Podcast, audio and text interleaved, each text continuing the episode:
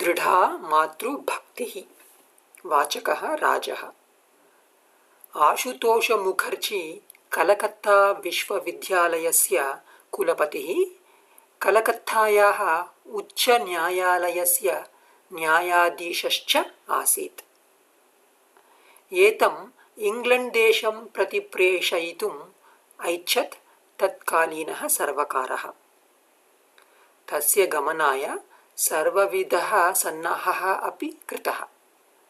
किन्तु अत्रान्तरे तस्य माता धार्मिकैः कारणैः अवदत् यत् विदेशं प्रति गमनं मास्तु इति।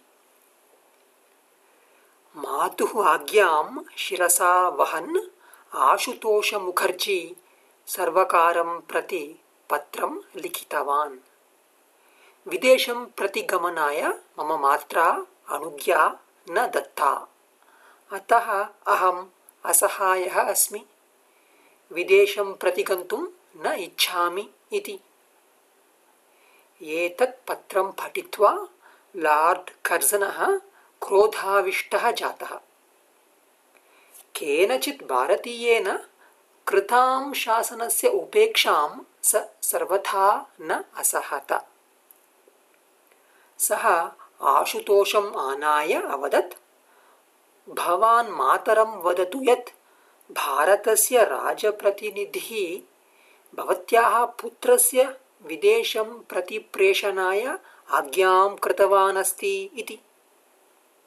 खर्जनः कठोरमनस्कः आसीत्। तस्य आदेशस्य तिरस्कारं कोऽपि कर्तुं नार्हति स्म। राजमहाराजाः अपि तस्मात् भीताः भवन्ति स्म। तथापि आशुतोषः अल्पामपि भीतिम् अप्राप्नुवन् गाम्भीर्येण अवदत्, अहं मातुः आज्ञां तिरस्कर्तुं न अर्हामि।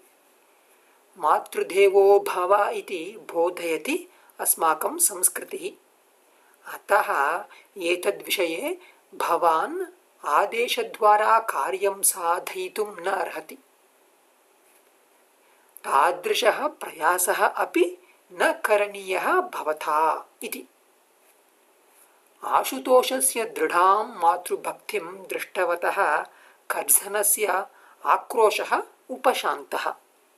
सः स्वस्य विचारं परिवर्तितवान्।